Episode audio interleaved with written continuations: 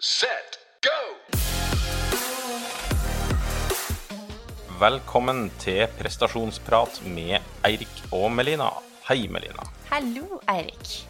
Vi bruker jo som regel å starte med en liten sånn fot i bakken. Det Ofte føler jeg det er jeg som begynner å fortelle hva jeg har gjort siden sist. Nå er jo det tida sånn at vi er jo stort sett sammen. Du er i permisjon med vår lille Niklas, så jeg veit jo stort sett eh, hva, du, hva gjøren og laden er, da. Vi er jo stort sett sammen. Men uh, har du noe du vil fortelle? Å, takk for den nydelige introen. Nei, altså, jeg har ikke sånn kjempemye å melde. Jo, jeg har hatt min første rulleskiøkt etter fødsel. Det er, høres så sikkert ut som noe som er overkill av fysisk aktivitet eh, før man har rukket å gå fem uker etter fødsel. Men altså Det var bare snakk om litt pirking i asfalten, og eh, det fungerer egentlig bedre for meg å gå på rulleski enn å traske rundt på beina på sånne tuslete trilleturer. Altså, helt seriøst, det er ikke vondt et sted. Jeg er ikke sliten et sted. Det er som jeg Fødsel, graviditet, skjedde det egentlig? Altså, det er som normalt, bortsett fra at det er sjukt tungt. Ja, nå skal vel ikke du Du gikk en eh, kun motbakke, du har blitt staka så mye. Du gikk ifra der vi bor og opp til Tryvann. Det er vel det du har gjort? Ja, det var ikke noe langt. Og så har jeg gått en tur i Kollen. Ja. Så, eh, men du du er i gang i hvert fall.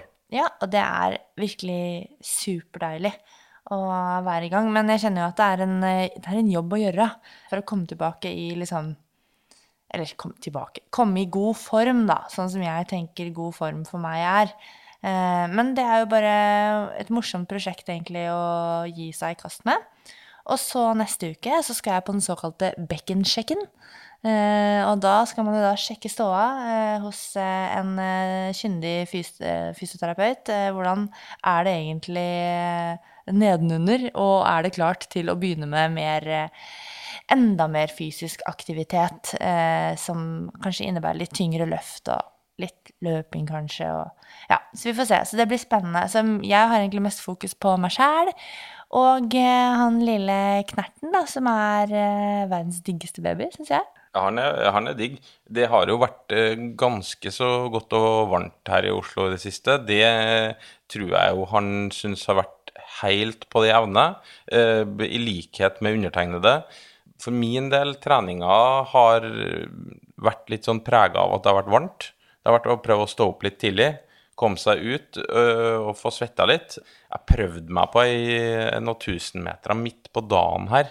Og det, det var svettefest. Og jeg merka jo at øh, prestasjonsevnen min øh, etter hvert av det, på de tusenmeterne Det er ikke mulig at jeg skylder veldig på varmen. Det kan òg være treningsstatus som gjør at det etter hvert blir fryktelig tungt. Men øh, det hjelper ikke at øh, det var enormt varmt nede i Merradalen, der jeg kjørte av mine 1000 meter. Var det i Merradalen? Ja, det var i Merradalen Eller, ja tror- Røahagen. Røahagen heter Ja, det. for der er det flatt. Merradalen er jo egentlig en sånn en slags eh, motbakke. Ja, det- I forlengelsen av Merradalen, for dem som er veldig, veldig kjent i Oslo-området, Ja. på asfalt eh, en sånn 1000 meter der. Det er et fint sted å løpe, da, så man kan jo sjekke det ut. Men vi har med andre ord ikke sånn kjempemye spennende å melde om. Du skal i gang med to samlinger på rappen. Det skal du. Ja, så, vi har for så vidt kommet i gang med samlingene. Vi, det er jo litt spesielt i år, i og med at vi har baserer oss på hjemmesamlinger. Um, sånn at i starten av juni så hadde vi ei samling i Trondheim, ei på Lillehammer og ei i Oslo. Og for så vidt ei i Tromsø, som gikk samtidig.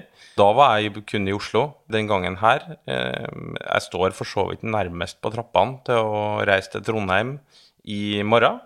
Eh, hvor vi skal ha ei samling der. Og så når jeg kommer hjem derfra neste uke, da skal vi starte samling i Oslo. Så Samlingslivet. samlingslivet er deilig, og det er godt å være i gang. Eh, ja, Men er det ikke litt kjipt å ikke liksom At dere ikke kan eh, Alle sammen kan trene sammen, da? At dere må ha mange sånne småsamlinger?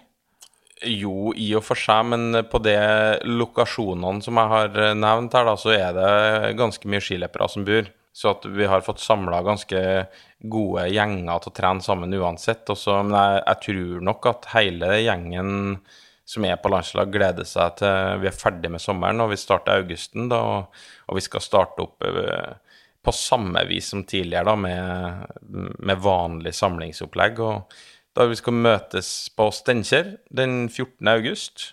Da sprint herrer og allround herrer, som jeg trener for. Og og ha da en normal samling. Så jeg tror, tror folk gleder seg til det, sjøl om det hjemmesamlinga nå går egentlig veldig, veldig fint. Ja, folk kan jo trene. Folk kan jo trene. Eh, eneste aberet kan jo være at folk blir litt lei av de samme rutene eh, når de er, er på hjemmebane til hverdag og på hjemmesamlinga. Så blir det fort at eh, tretimersturene på rulleski går mye de samme plassene, og det er jo fordelen med å være bort på samling da av og til, at du får eh, litt impulser, nye impulser og eh, nye ruter, nye intervaller etc. Det ja, eh, slapp vi jo i år, men fra august så tenker jeg vi er tilbake på normalen igjen. Ja. Da tenker jeg vi går til dagens tema, Eirik. Dagens tema er jo litt i forlengelsen av den intervallen som jeg hadde her om dagen, der jeg fikk litt melkesyre etter hvert. Jeg ble litt stiv i beina. Ble litt opphoping av laktat. Og for mer enn 200 eh, år siden så ble eh, det molekylet som vi da Da er ikke noe hemmelighet lenger. Eh, temaet er laktat. Og det molekylet laktat ble oppdaga for mer enn 200 år siden. Og det er fortsatt et, ja, for vår del i hvert fall, et av de mest spennende og kanskje òg mest omdiskuterte temaene innenfor treningsfysiologi. Eh, lenge så ble dette sett på som et litt sånn rent avfallsprodukt fra metabolismen, og en skikkelig sånn partypooper eh, i forhold til fysisk prestasjon. Det følte jeg jo på sjøl her, at eh, når laktaten kom, så eh, gikk tida ned Nei, opp, unnskyld. Eh, da begynte jeg å springe litt, litt saktere.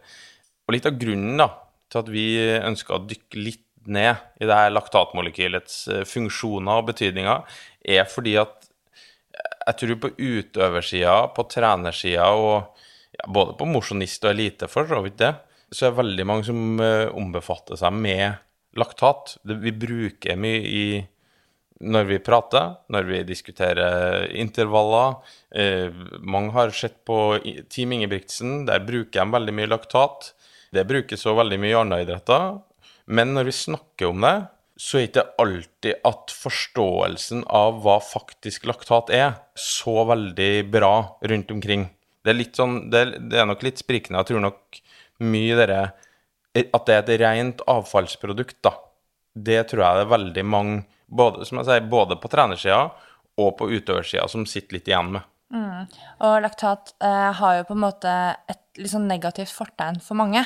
Og det er egentlig det vi vil til livs da, med denne episoden. Og rett og slett skape en bredere forståelse av hvor betydningsfullt og viktig laktat er i kroppen, da. Ja, det vi jo, skal vi jo prøve å finne ut eh, litt av, da. Mm. Og, og, diskutere oss fram til. Det er ikke noe tvil om at jeg òg bruker mange ganger når jeg snakker om laktat Hvis jeg tenker rent fysiologisk, så snakker jeg om laktat litt feil. For det er ikke noe tvil om at jeg ofte bruker det eh, i en forklaringsmodell til utøvere faktisk litt feil. Mm, nei, men jeg tror jeg gjør det selv også. Og det er litt fordi at det, det blir så omfattende og komplekst å skulle forklare det riktig, på en måte. Og så kanskje man dummer det litt ned. Og så er det kanskje også noen deler som vi selv trenger å øke forståelsen på. Det er helt sikkert. Så da tror jeg bare vi hopper rett til episoden. Jeg er jo glad i historie, så vi, jeg starter jo litt med historie. Her, det her er et tema der det faktisk er litt historie. I hvert fall for over 200 år siden så var det en såkalt tyskpratende svenske. Det høres veldig Wikipedia ut å si det på den måten, men det er altså sant. Han het Carl Wilhelm Scheele. S-C-H-E-E-L-E. E. Eh, når jeg først leste det, så tenkte jeg gelé, og jeg tenkte eh, på sangen Gelé Finn fram en pakke gelé. Det er altså, den, den har festa seg i hodet mitt for dem som da eh, er oppvokst på 90-tallet, og den reklamen eh, susa rundt. Så i mitt hode så kaller jeg den ikke eh, sjele, jeg kaller den gelé. Carl Wilhelm Gelé. Han var i hvert fall en apoteker og en kjemiker. Og han eh, oppdaga det her laktatmolekylet i syrna melk. Ja, jeg, jeg, syrna melk for meg det er liksom sånn kulturmelk. Eh, og han kalte det her for mjølksyra. Og det med kulturmelk, da, det er litt sånn Det er barndom for meg. For jeg har en pappa som var veldig glad i, glad i kulturmelk med kavring oppi, av alle ting. Det mm, har aldri skjønt hva greia med det, men det var storfornøyd hvis en fikk det. Det skal ikke mer til. Det er kulturmelk. Jeg tenker Det er sånn uh, oldismelk, det er for meg. Det er sånn mormor hadde på frokostblandinga. Men det er jo også bare generelt syrnet melk, da. Ja, det var i hvert fall der han, Ja. i, i syrna melk, han oppdaga det her molekylet eh, som han da kalte mjølksyra, som vi i dag da kaller laktat. Men han her gelé, da, han eh, var jo en travel mann. Uh, tydeligvis en nokså driftig kjemiker, uh, og for så vidt apoteker. Han fant òg klorin. Han fant magnan, eller manganese, jeg tror det er magnan. Uh, arsenikk, barium, molybdenum, wolfram og fluor. I tillegg til mye annet rart. Men han er nok kanskje mest kjent for å ha oppdaga Altså i hvert fall den moderne førsten i moderne tid til å oppdage da oksygen. Og det er jo et eh, molekyl som eh, ganske mange flere har hørt om enn eh, som kanskje har hørt om laktat en litt sånn fun fact om han her var jo hvordan han daua. Han hadde en sånn greie med at han skulle ha smak på alt han fant, og fant opp. Og på et tidspunkt så fant han opp en sånn uh, grønnfarge som kalles sjeles grønn, og den er arsenikk i. Og da han smak... Nei, eh, ja, hva er arsenikk? Det var arsenikk. Ja, eller så var var det arsenikk. som har, en grønn Ja. farge. Jeg husker ikke helt. Ja, i hvert fall. Da det tålte ikke kroppen til en gelé, eh, så da daua han. Ja, det er ikke så mye annet å si om eh, historien om han, men eh, i hvert fall en stund etter at han fant det, så begynte jo folk å se en sammenheng da mellom aktivitet og konsentrasjon av laktat i folk.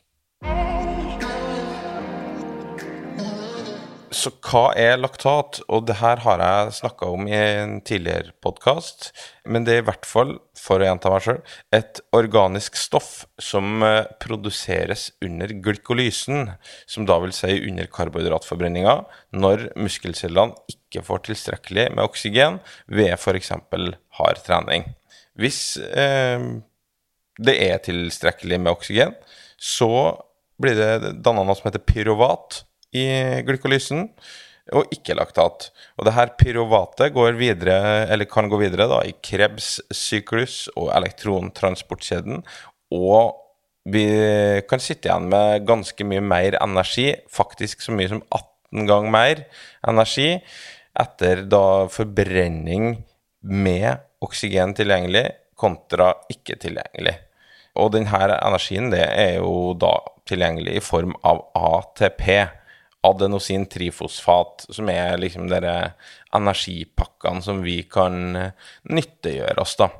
Og så hvis det er sånn at folk eh, setter seg ned nå og leser om laktat, så vil du se at det er ganske mange forskjellige måter å snakke om laktat på.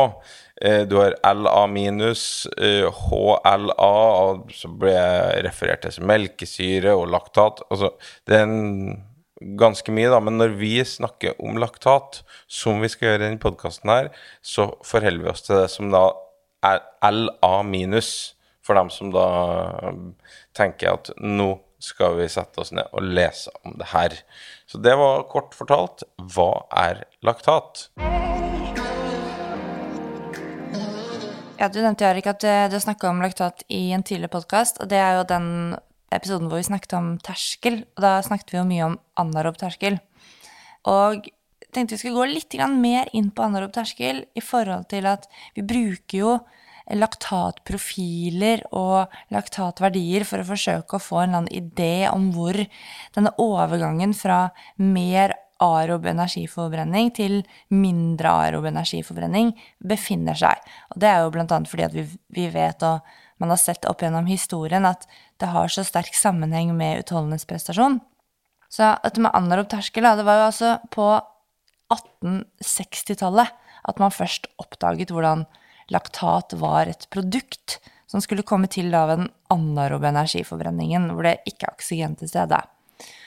Og så skulle det gå ca. 100 år, og man kommer til 1960-tallet, og da, først da, så begrepet anarob terskel, som er et fysiologisk fenomen, dagens lys. Det, på 60-tallet var det nærmest en epidemi eh, i, av hjertesykdom. Og det var en kar ved navn Wassermann, eh, som på den tiden var eh, postdoc, dvs. Si han var ferdig med doktorgrad og skulle jobbe litt videre som forsker, som holdt til ved University of California eh, på da San Francisco Cardiology Research Center. Og eh, Wassermann da, han ble utfordret av veilederen sin til å finne en ikke-invasiv måte å avdekke tidlige tegn på hjertesykdom på, og spesielt hjertesvikt. Og når noe er ikke-invasivt, så betyr det at man f.eks.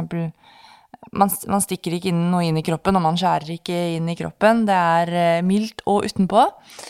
Og det Wassermann da sa, det, det er jo litt interessant. Han sa at han trodde at dette her burde undersøkes ved trening. Fordi at når hjertet blir stresset, så mente han at det første tegnet på hjertesvikt ville være da sirkulasjonssystemets sviktende evne til å levere oksygen til de arbeidende musklene. Og siden musklenes oksygenetterspørsel ville være så markant økt under treningen sammenlignet med i hvile, så ville hjertets sviktende evne til å da levere ut nok oksygen resultere i det som kalles for acidose. Og det er egentlig Det betyr at det blir mer syrete, rett og slett. Lavere pH. Lavere pH i blod og muskulatur. Noen andre forskere hadde da tidligere vist at eh, du fikk en økt CO2-produksjon og redusert, et redusert OT-opptak hos hjertesviktpasienter. Så Derfor tenkte jo Wassermann at det måtte være mulig å undersøke hvordan han kunne finne det nivået for oksygenopptak, og dermed altså den belastningen der hvor denne acidosen utviklet seg. Og det vil han da gjøre ved å bruke da gassutvekslingsmålinger. Og den type målinger det kjenner vi i dag som ergospirometri. Det snakket vi en del om både på eh, anarob terskel, eller terskelepisoden, men også den, en av våre første episoder, VO2max-episoden. Og Wassermann han målte og testet i lang tid. Han skulle bruke rundt 30 år på å forske på dette her. Han diskuterte dataene sine med en kar som eh, omtales som BD, nei, DB Dill. Vi kaller ham bare Dill, da. DB Dill. DB Dill. Mr. Dill. Og han var eh, rett og slett sjef på Harvard Fatigue Lab. Det hørtes ut som en uh, hyggelig lab å jobbe på. uh, og Dill sa at Wassermanns metode, der han avdekket belastningen hvor oksygenleveransen ikke lenger var god nok til å stoppe eller forhindre denne acidosen, det var en metode som gjorde at han avdekket, rett og slett fant den anarobe terskelen. Så det var på en måte Dill som først introduserte dette anarob terskelbegrepet. Eh, men det var Wassermanns metode som, som, da avdekket det ved da å finne det området eh, hvor man akkurat ikke fikk da lav pH, eller sånn syrete forhold. Og det er jo det samme som vi forsøker å finne ved laktatprofiler. Og den definisjonen som Wassermann da eh, kom til, eh, som han definerer i, altså i det klassiske arbeidet sitt, så definerer han anarob terskel som det arbeidsnivået eller OT-opptaket som er rett under den metabolske acidosen, nå siterer jeg her, og assosierte endringer i gassutvekslingen, der dette inntreffer. Og det er jo det vi forsøker å etterstrebe når vi skal trene terskelintervaller, f.eks. At vi jobber rett under det området som gjør at vi ja, klarer å ha en slags sånn biologisk likevekt, da, og ikke eh, få eh, for lav pH i muskulaturen. Blir sliten, men ikke stiv. Ja, det... sliten, men ikke stiv. Det er jo en veldig sånn teknisk måte å si det på, da. Så ja, dette korresponderte jo med den belastningen, eller oksygenopptaket, som Hvis du overstiger det, da, så vil laktat eh, øke eh, systematisk. Men hvis du var under dette nivået, så vil laktatnivåene bare holde seg relativt konstante. Wassmann han brukte jo ikke blodlaktatmålinger til å finne ut av dette her. Han brukte jo da eh, gassutveksling. Og den metoden den er kjent som V-slope-metoden. Og det er egentlig det er en, en, måte å finne anarob terskel på uten å bruke eh, laktat og laktatmålinger. Og det brukes mye i det kliniske på sykehus, f.eks. for da lunge- og hjertemedisin. Og det blir jo bakgrunnen for det som vi kaller for Wassermanns nipanelsplott, som er ni forskjellige grafer da, som man bruker eh, for å se på hvordan hjerte og lunger fungerer sammen. Der finner man også da anarob terskel, annet. Det som er litt sånn fiffig, da, er at eh, den V-slow-metoden, som er en da ikke-invasiv metode, den sammenfaller ofte ganske fint med de invasive metodene der du måler blodlaktat. Det gjør man jo bare ved et lite stikk i øret eller fingeren. Altså veldig liten sånn er ikke noe big to do, det. Men mens Wassermann var opptatt med å måle disse gassutvekslingene uh, og finne anarob terskel på den måten, så var det mange andre forskere som utviklet masse forskjellige typer protokoller for å måle sammenhengene mellom uh, de ulike arbeidsbelastningene og blodlaktatet. Vi har fått en god del spørsmål om denne laktatkurven, hvordan vi måler, hvordan ei sånn ja, kalle økt gjennomføres. Det starter jo med at du ønsker å se på sammenhengen mellom oksygenopptak og blodlaktat. Og ja, egentlig på hvor, i hvilken del av arbeidsbelastninga, da, hvor hardt kan du jobbe før at den anarobe energifrigjøringa må inn og bidra såpass mye at du begynner å bli stiv. Dette er viktig for trenere, det er viktig for utøvere å, å ha et forhold til, i hvert fall innenfor uh, utholdenhet. Og Det starter jo egentlig med at du varmer litt lett opp, og så f.eks. springer du på en mølle der du starter ganske rolig, fem minutters drag, hvorpå du etter endt fem minutters drag får stikk i fingeren eller stikk i øret vi tar en liten bloddråpe og måler blodlaktat. Neste fem minutter så øker du belastninga litt sånn gradvis. Det er ikke store hopp, men gradvis økning for hver fem minutter. Og da får du jo da et sånt plott der du har eh, oksygenopptak, eller belastning, på eh, X-aksen, og så har du blodlaktat på Y-aksen. Og etter hvert som da belastninga øker, så vil òg blodlaktaten øke. Kanskje ikke så mye i starten. Når har du da truffet ganske greit på åpningsbelastning, så er det to-tre to, første målingene ganske flat. Så begynner blodlaktaten å stige, og så kan du få et sånt, til og med få et sånt ganske sånn markant knekkpunkt etter hvert, der du øker vanvittig mye fra ett drag til neste. Og da øh, begynner det å, da begynner det å koste. Ja, det er jo sånn at vi både produserer og bruker litt laktat i starten av arbeid. Så ofte så kan man jo se at eh, du har en viss laktatverdi eh, på det første Kanskje etter oppvarming, hvis man tar en prøve da, og på de første dragene. Og så kan faktisk laktatverdiene falle litt, sånn at du får et sånn kurvlineært forløp. Så det er ikke uvanlig det heller at laktaten synker litt i starten av de første dragene. Ja, det har jo med liksom når du starter et arbeid, så er all start av arbeid er egentlig litt sånn anarob. Mm. Det, det kickes i gang med anarobe prosesser. Det, det, gjør egentlig det aller, aller meste. Uten at det er, noe, det er uten noe dramatisk i hele tatt.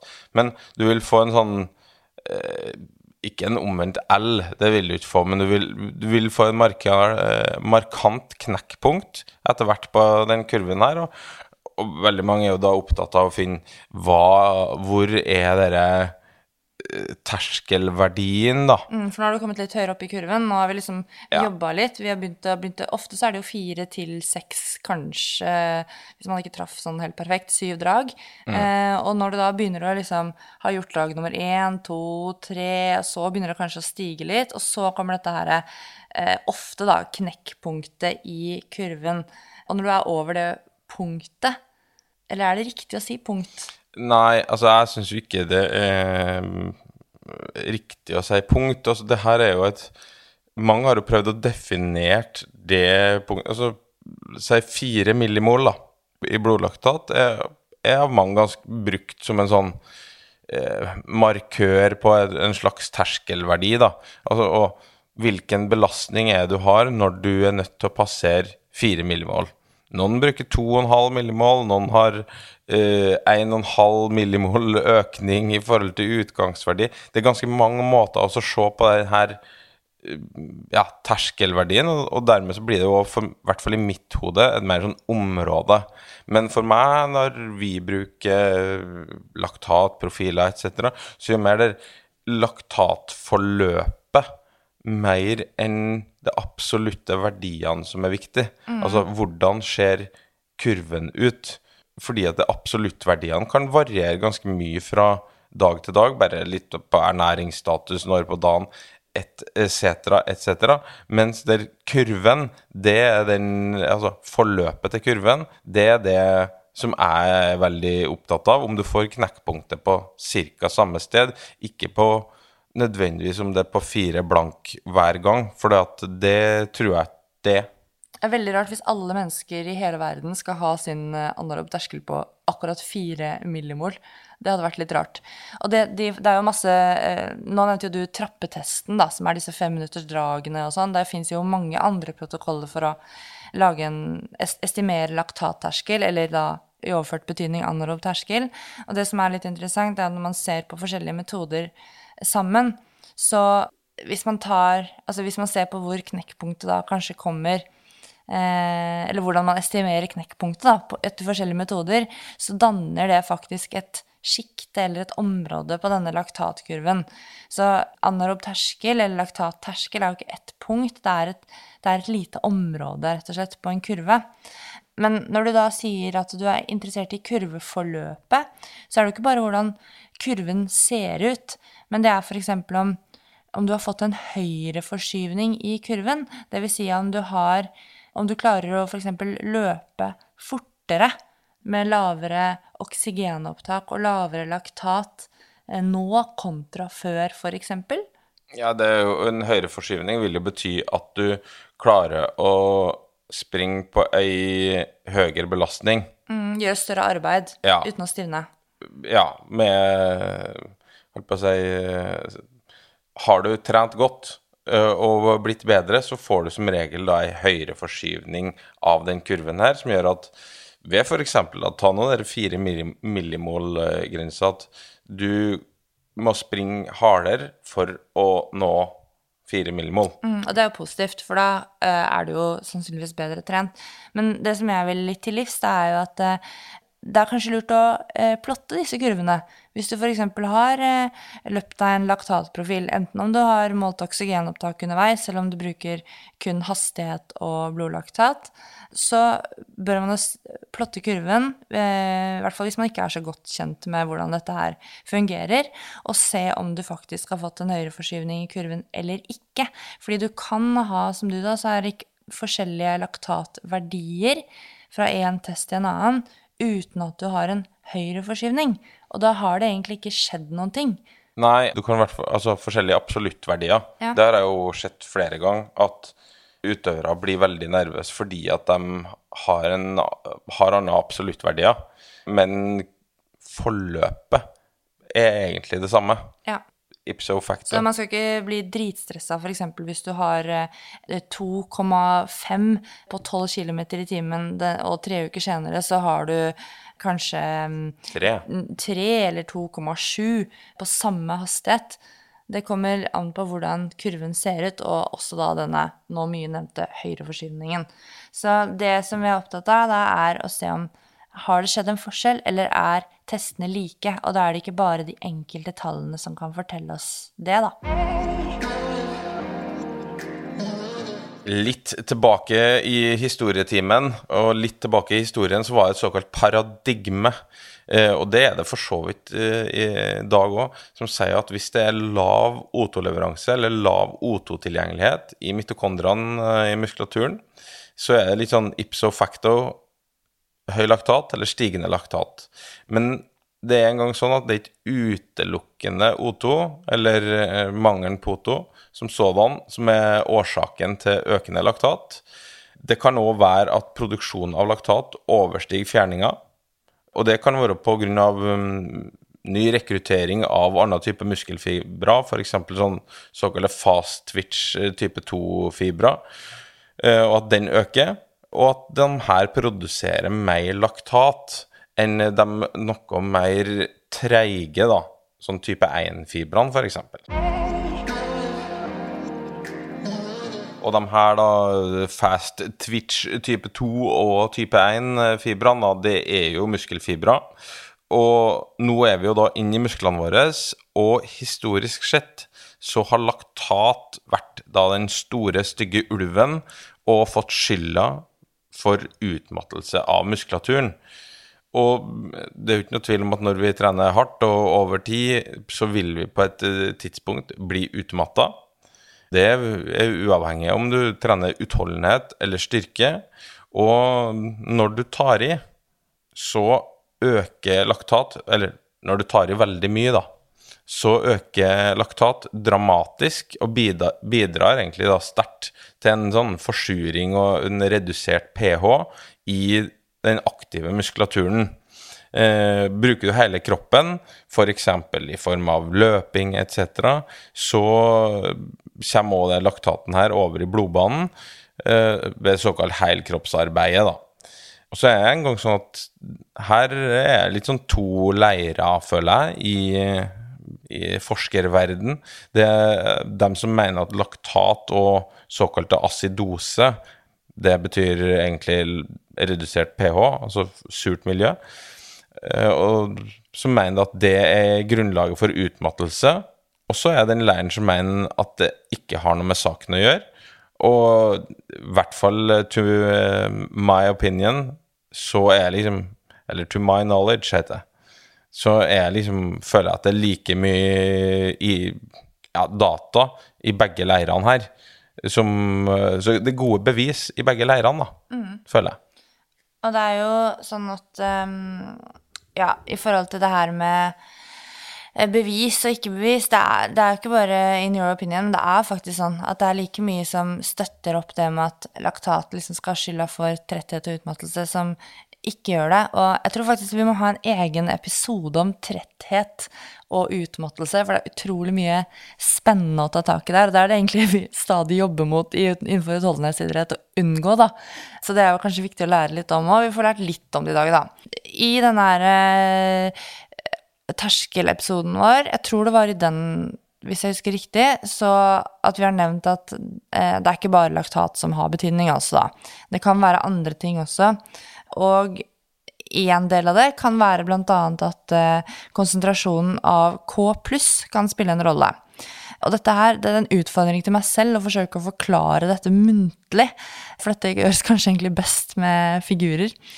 Men inni muskelcellene, altså, i membranen til muskelcellene, så finnes det et system av innbukninger og liksom rørlignende formasjoner. Og de formasjonene og innbukningene de kaller vi for T-tubuli. Det betyr transverstubuli, altså sånn rørsystem som går litt på tvers.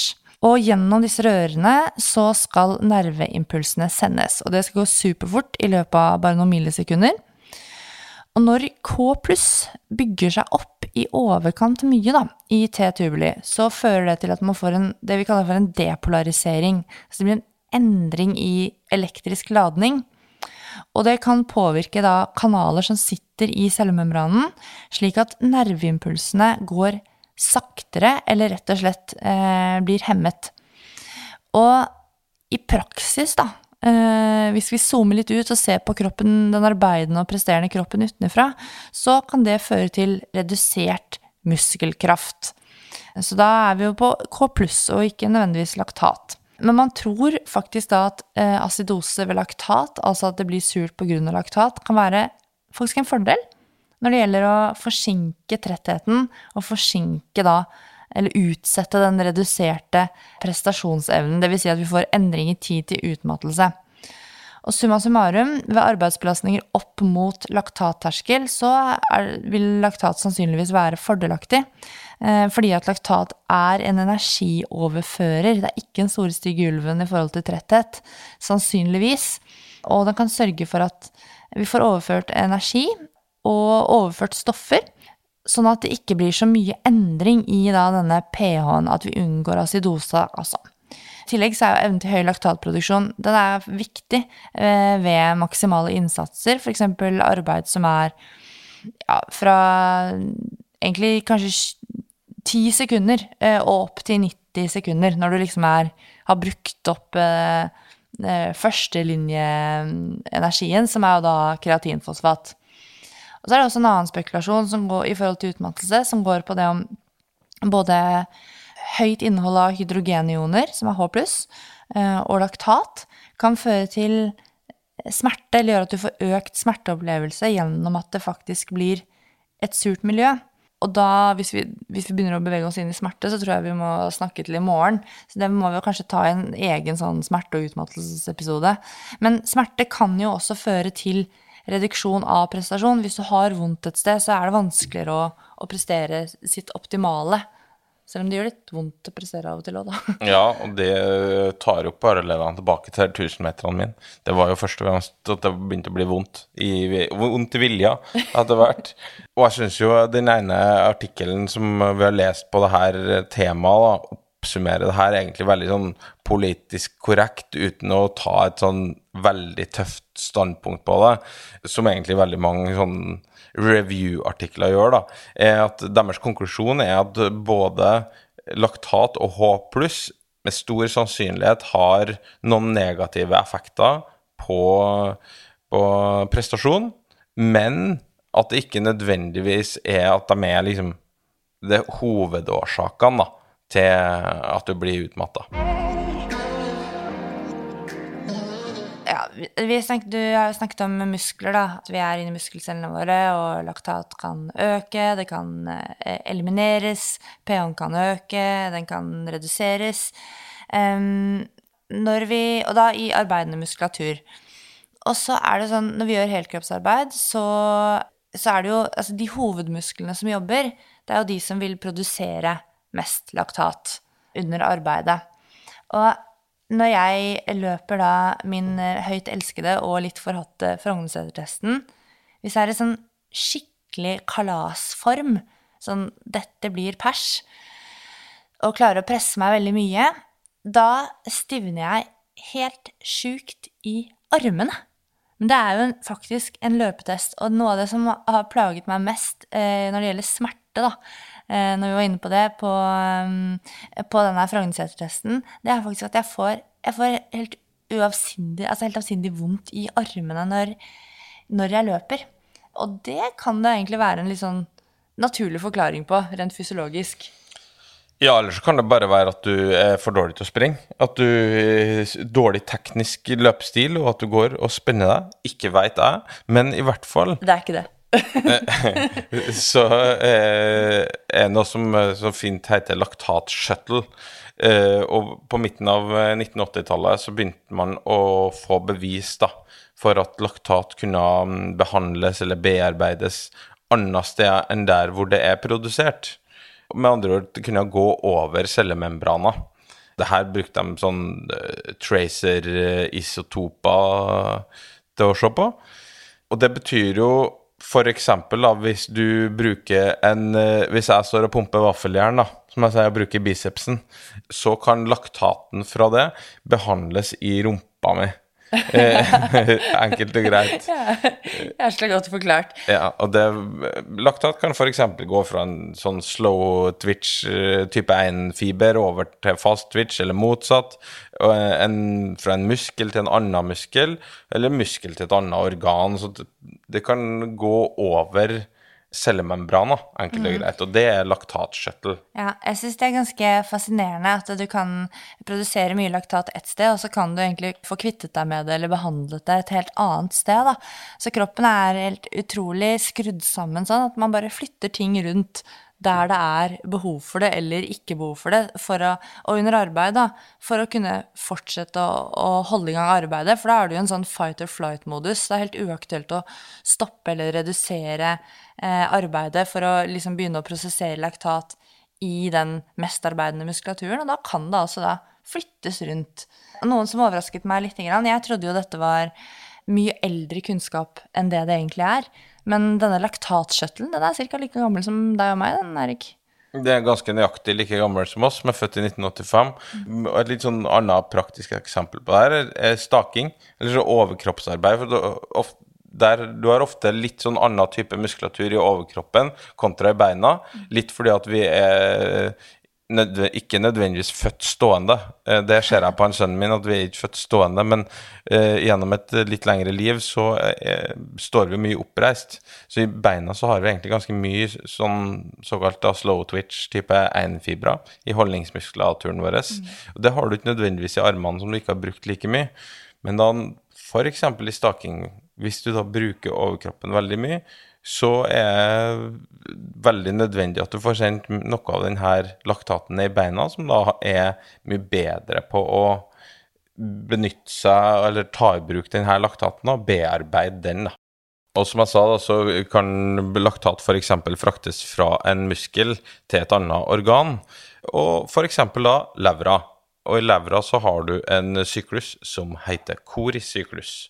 Denne syklusen kan, eller ikke kan, den omdanner laktat tilbake til f.eks. glukose, som igjen kan brukes av muskelcellene til å danne enten ny laktat eller ny pyruvat, og, og sånn sett uh, bidra til enda mer energi i form av ATP. da. Og så har vi et annet organ som jeg tror ganske mange har hørt om, i hvert fall det, det er hjertet. Hjertet det bruker faktisk laktat som eh, litt som drivstoff. Og faktisk så mye som 60 av ja, la oss si næringen hjertet trenger under aktivitet, det kan det hente fra nedbryting av laktat. I hvile så bruker hjertet for det meste fett til å dunke og gå, men ved aktivitet så kan det faktisk hente ganske mye næring fra laktat. Og da er vi inne på det her med at laktat er, er, faktisk ganske viktig. Og det er et sånn energisubstrat som kroppen kan benytte seg av. Ikke bare et uh, avfallsprodukt som uh, blir liggende der, men det kan faktisk brukes til å holde opp trykket. da. Jeg føler at vi maler et litt sånn finere bilde av laktat enn det mange andre gjør, i hvert fall foreløpig. Og laktat er jo også faktisk et viktig energisubstrat i hjernen. Eh, og i hjernen så fins det en barriere som kalles for blod-hjerne-barrieren. Og den er ikke gjennomtrengelig for de fleste stoffer. Det er bare noen stoffer som kan gå gjennom blod- og hjernebarrieren. Den gjør da at uh, stoffer ikke kan passere direkte fra blodet og, over til da uh, hjerne, ryggmargsvæsken og over i vev i sentralnervesystemet. Men det kan altså laktat. Laktat får lov til å passere da blod-hjerne-barrieren, og det er det nok gode grunner til. Og hjernen, sånn egentlig historisk sett, da, eh, så har laktat i hjernen vært blitt forbundet med iskjemi. og Det betyr at det er rett og slett lokal blodmangel. Eh, men så har faktisk laktat mange flere oppgaver, eh, og egentlig er ikke utelukkende forbundet med da iskjemi. Altså det er ikke så negativt som man kanskje først skulle ha det til. Laktat dannes i hjernen på respons fra nervesignaler fra noen celler som heter astrocytter. Og som den halvgrekeren jeg er, så burde jeg jo vite da at astro og astra det har med eh, stjerner å gjøre. Det er altså stjerneformede celler som da sender ut nervesignaler om at det skal dannes eh, laktat fra glukose eller fra glykogen. Og så videre da, så kan laktatet overføres fra da stjernecellene, fra astrocyttene, og over til nerveceller som behøver energi. Så altså nervecellene våre bruker også laktat. Og laktat kan også fungere som signalmolekyler for mange forskjellige nervefunksjoner. De kan både ha eksitatoriske funksjoner. Det betyr at det er en reaksjon som må stimuleres til eller fremprovoseres. Laktat kan ha plastiske funksjoner som kan skape forandringer i hjernen og eh, eh, det kan ha konsoliderende funksjoner. Og konsolidering det har med minnet vårt å gjøre, og hukommelsen. Så laktat kan faktisk være med på å styrke hukommelsen vår, tror man, og det er ganske spennende å tenke på. Og noe som jeg begynte å lese litt på her i går, og dykke så vidt inn i, er jo det hvordan, hvordan man tror at laktat kan ha beskyttende effekt mot eh, nevrodegenerative sykdommer, som f.eks. Alzheimers. Um, og det er sikkert noen som har lest, Hvis man har lest disse um, populærvitenskapelige hjernebøkene som har kommet på markedet, så kan vi lese at fysisk aktivitet er veldig positivt for hjernen vår, og kan kanskje f.eks. være med på å forebygge demens og forebygge Alzheimers. Og vi skal ikke se bort ifra at laktat faktisk kan spille en rolle når det gjelder denne her forebyggingen av nevrodegenerative sykdommer, som vi kanskje kan få til gjennom å gjøre fysisk aktivitet. Så laktat har mange forskjellige mm, funksjoner i hjernen vår som er da homeostatiske, som betyr at det er med på å holde hjernen vår frisk, rett og slett.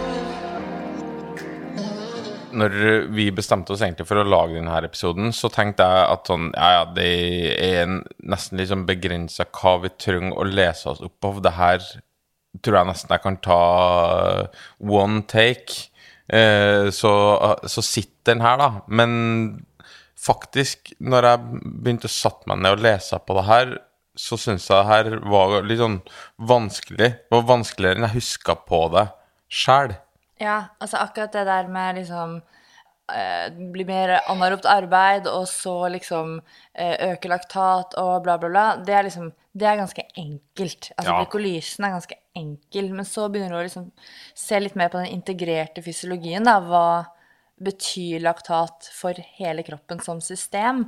og hvordan påvirker det oss? Og så kommer vi så vidt inn på dette med smerte på slutten. Det er kjempekomplekst. Jeg syns også det er vanskelig, og det er vanskelig å å forklare det riktig og på et vis.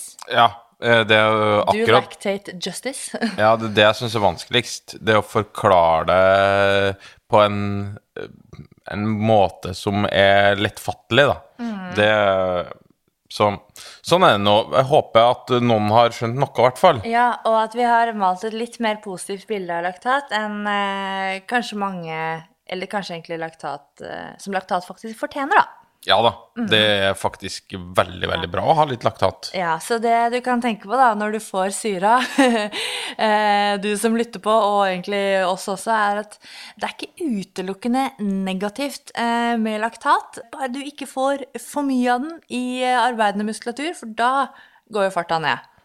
Da går farten ned, og smerten opp. Ja, og du kan egentlig kanskje, hvis du er så uheldig, glemme edle metaller og og eh, flotte plasseringer. Oi, nå har vi en liten sønn som nyser i bakgrunnen her. Ja. Sånn er det. Sånn er det. Ja. Og det får være uh, vårt cue. Ja, det er vårt cue til å avslutte. Ja. Så takk for denne gang. Vi uh, kommer tilbake etter hvert med gjester. Foreløpig nå så blir det litt de episodene som uh, Eirik og jeg klarer å, å ha på planen at kun vi to skal ha sammen. Det går litt på familielogistikken også.